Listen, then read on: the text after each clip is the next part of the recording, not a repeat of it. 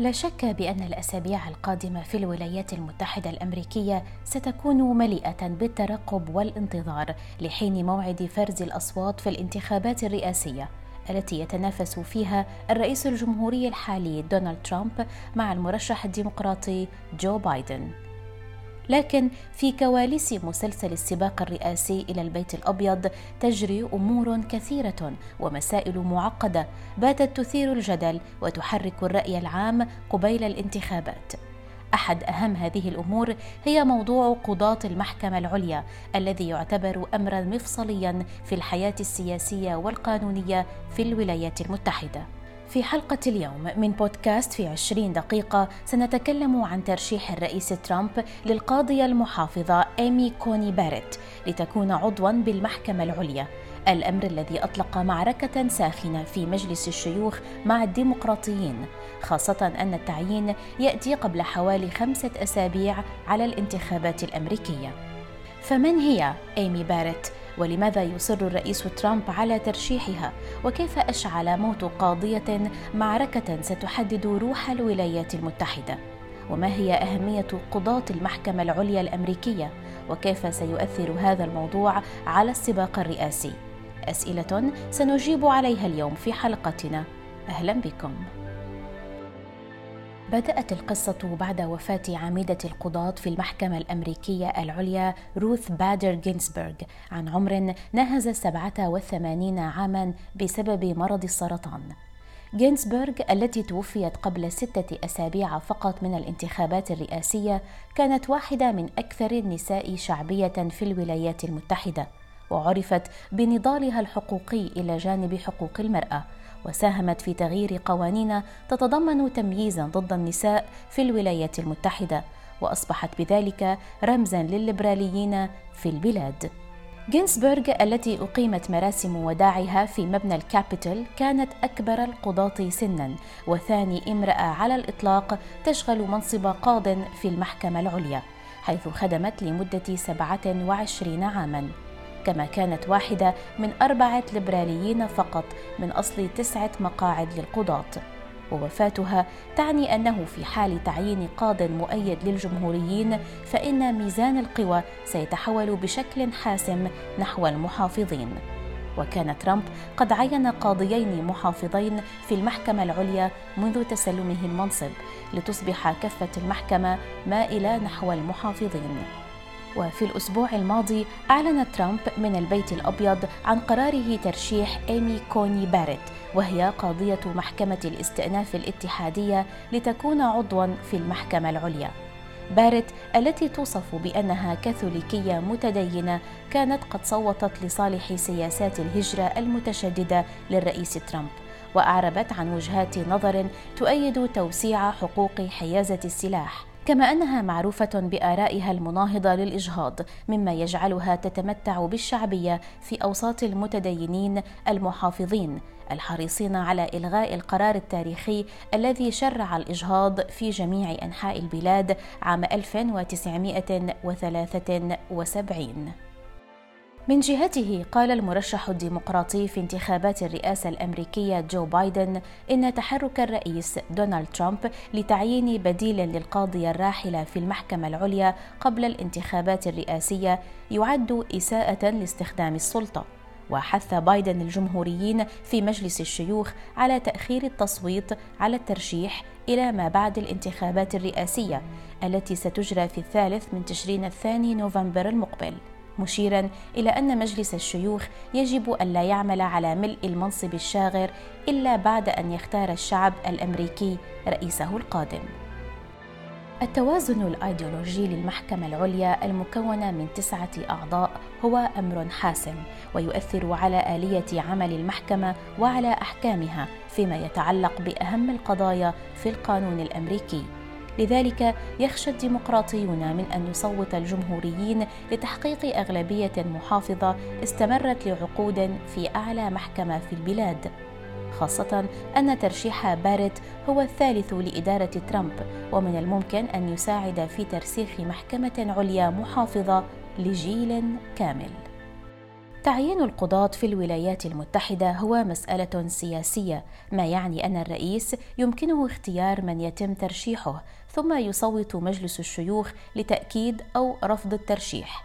وتأتي أهمية أعضاء المحكمة العليا الأمريكية كون لهذه المؤسسة الكلمة الأخيرة في كل القوانين المثيرة للجدل والنزاعات بين الولايات والحكومة الفيدرالية والاستئناف النهائي لوقف تنفيذ أحكام الإعدام وفي السنوات الأخيرة وسعت المحكمة زواج المثليين ليشمل جميع الولايات الخمسين وسمحت بفرض حظر السفر الذي أقره الرئيس ترامب. كما أنها تتعامل مع قضايا مثل الحقوق الإنجابية وهو أحد الأسباب الرئيسية التي جعلت بعض المحافظين المناهضين للإجهاض يريدون قلب الميزان بعيدا عن الليبراليين. للمزيد من التفاصيل يحدثنا ضيف حلقتنا الأستاذ الناشط أيمن عجمي المقيم في الولايات المتحدة منذ أكثر من عشرين عاماً. هو ال Supreme Court آه، هو الحقيقة هو أعلى مستوى للسلطة التشريعية في البلاد في أمريكا. آه، وفيها بيتم النظر في قضايا في منتهى الأهمية.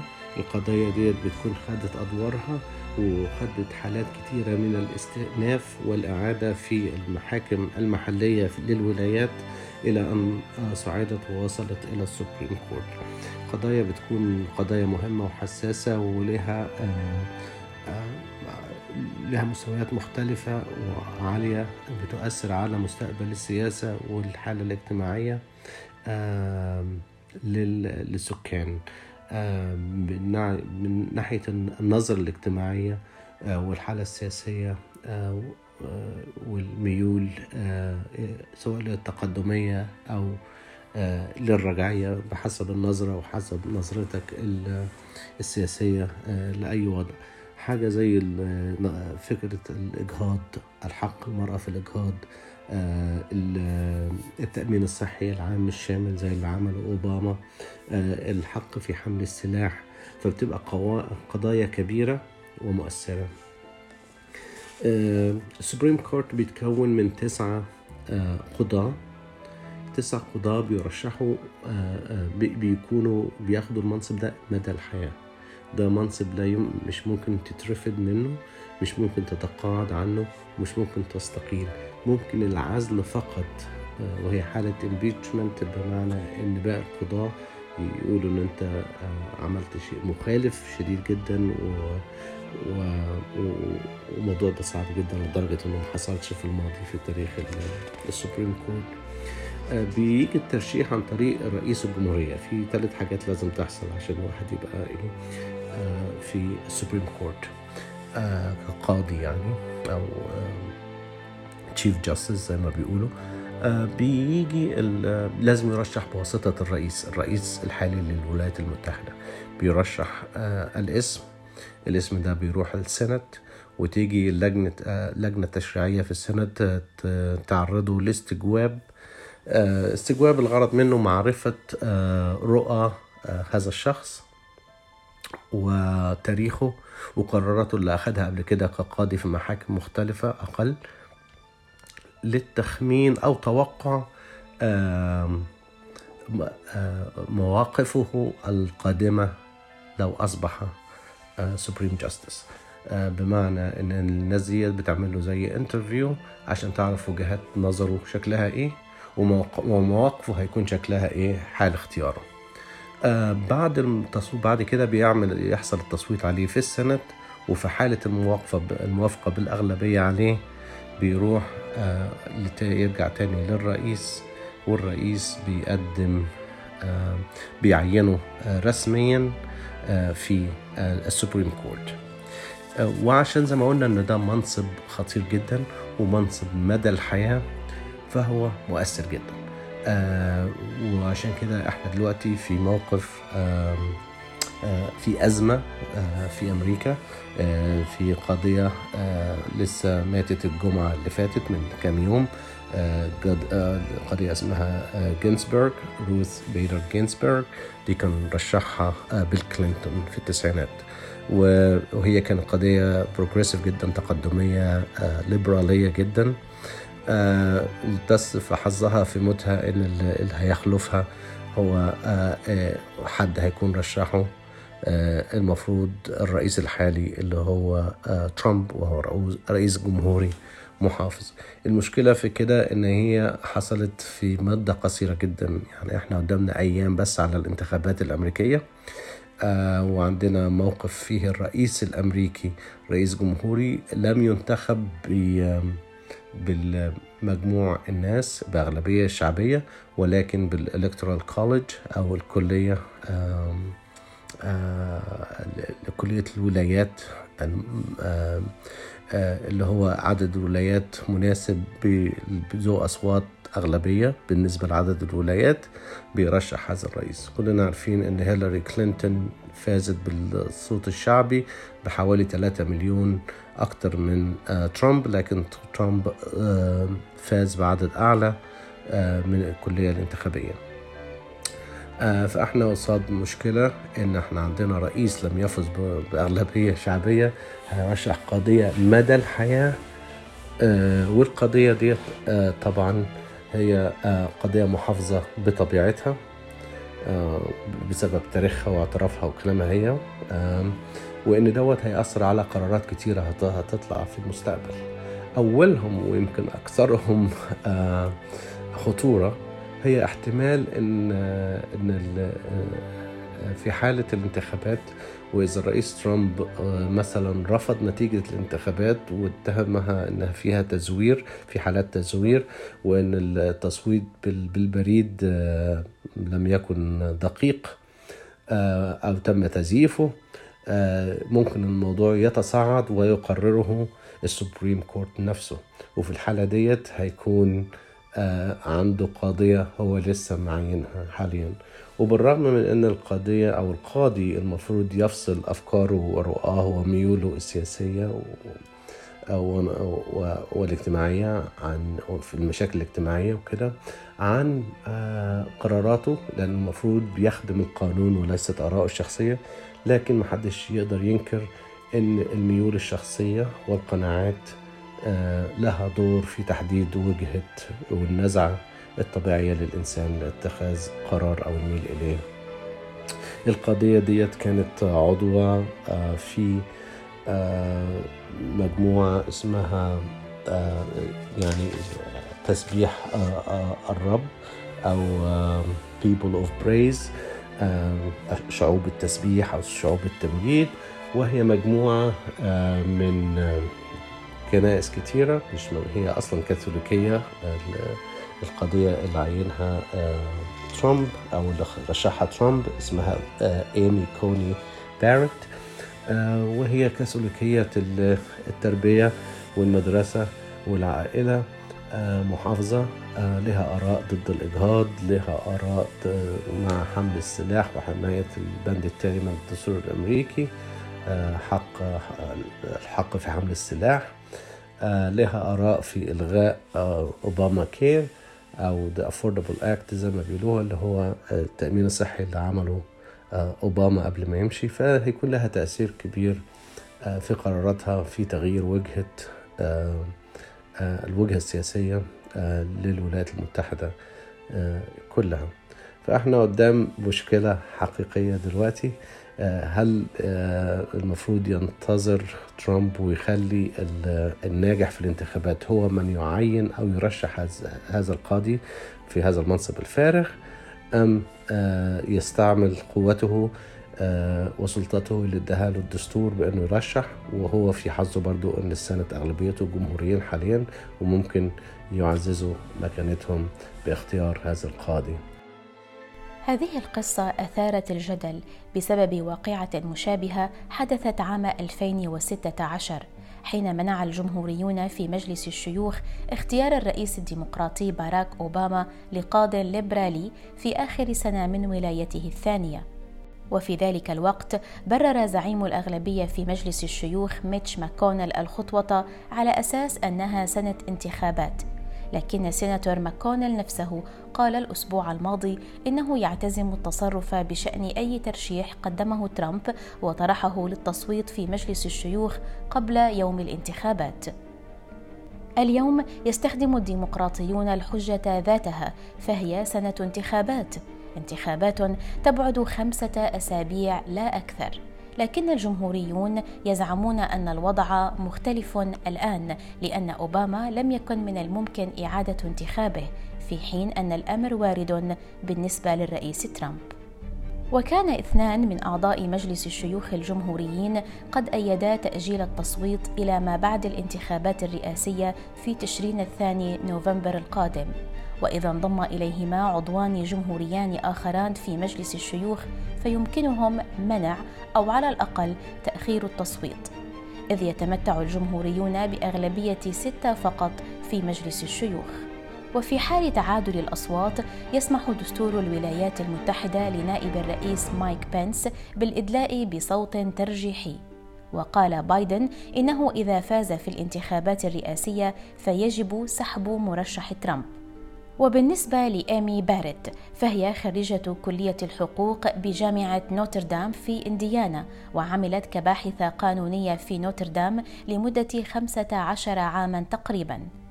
تبلغ من العمر 48 عاما وهي من مواليد نيو أورليانز متزوجة من مدع فدرالي سابق بولاية إنديانا ولديهما سبعة أطفال. اثنان منهم تم تبنيهما من هايتي وأصغر أطفالها البيولوجيين يعاني من متلازمة داون.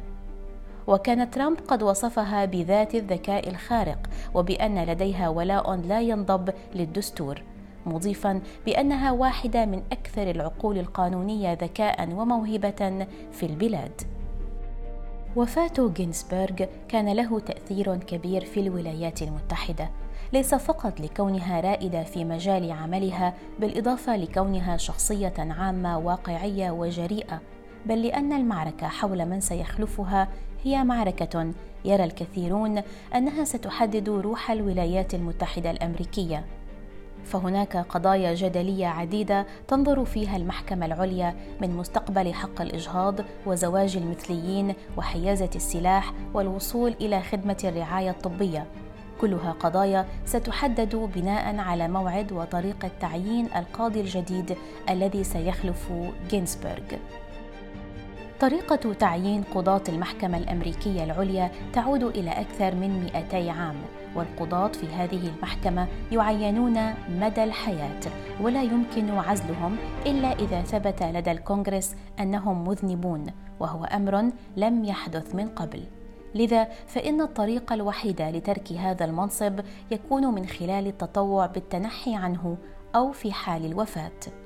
وعلى الرغم من أن القضاة ليسوا أعضاء في الأحزاب السياسية إلا أنهم غالبا ما يكونون منقسمين بين الميل نحو الليبراليين وهؤلاء يسميهم الرؤساء الديمقراطيون وبين المحافظين وهؤلاء يسميهم الرؤساء الجمهوريون. لكن القرار النهائي لا يكون دائما في صالح من يرشحه الرئيس. فعلى مجلس الشيوخ الموافقة على الشخص قبل تسلم منصبه. قبل وفاة جينسبرغ كانت المحكمة منقسمة بين خمسة أعضاء محافظين مقابل أربعة ليبراليين. وبالتالي فإن تعيين قاض محافظ جديد سيرجح كفة تيار المحافظين في المحكمة. ومن الممكن أن تمر السنين أو حتى العقود حتى يصبح الليبراليون هم الغالبية في المحكمة العليا. لهذا السبب يخشى داعمو حق الإجهاض وحقوق المثليين والرعاية الصحية من تراجع المكاسب التي حصلوها طوال سنين في حال حدوث هذا السيناريو. للتوقيت أيضا أهمية كبيرة فحاليا الرئيس ترامب جمهوري والجمهوريون مسيطرون على مجلس الشيوخ لذلك من الطبيعي أن يكون مرشحهم محافظا. وفي حال المصادقة على قرار تعيين باريت فهذا سيعزز الغالبية التي يتمتع بها المحافظون داخل المحكمة بحيث تصبح الغالبية لستة قضاة محافظين مقابل ثلاثة ليبراليين. كانت هذه حلقة اليوم من بودكاست في عشرين دقيقة تحدثنا فيها عن قضية ترشيح الرئيس الأمريكي دونالد ترامب لإيمي كوني باريت لتكون عضوا جديدا في المحكمة العليا خلفا لروث بادر جينسبرغ التي توفيت مؤخرا. قرار ترشيح ترامب لبارت أثار زوبعة إعلامية ومعركة سياسية تضاف إلى كواليس السباق الرئاسي المحتدم. شكرا جزيلا لكم على الاستماع إلينا ونلتقي في حلقة جديدة على راديو الآن. إلى اللقاء.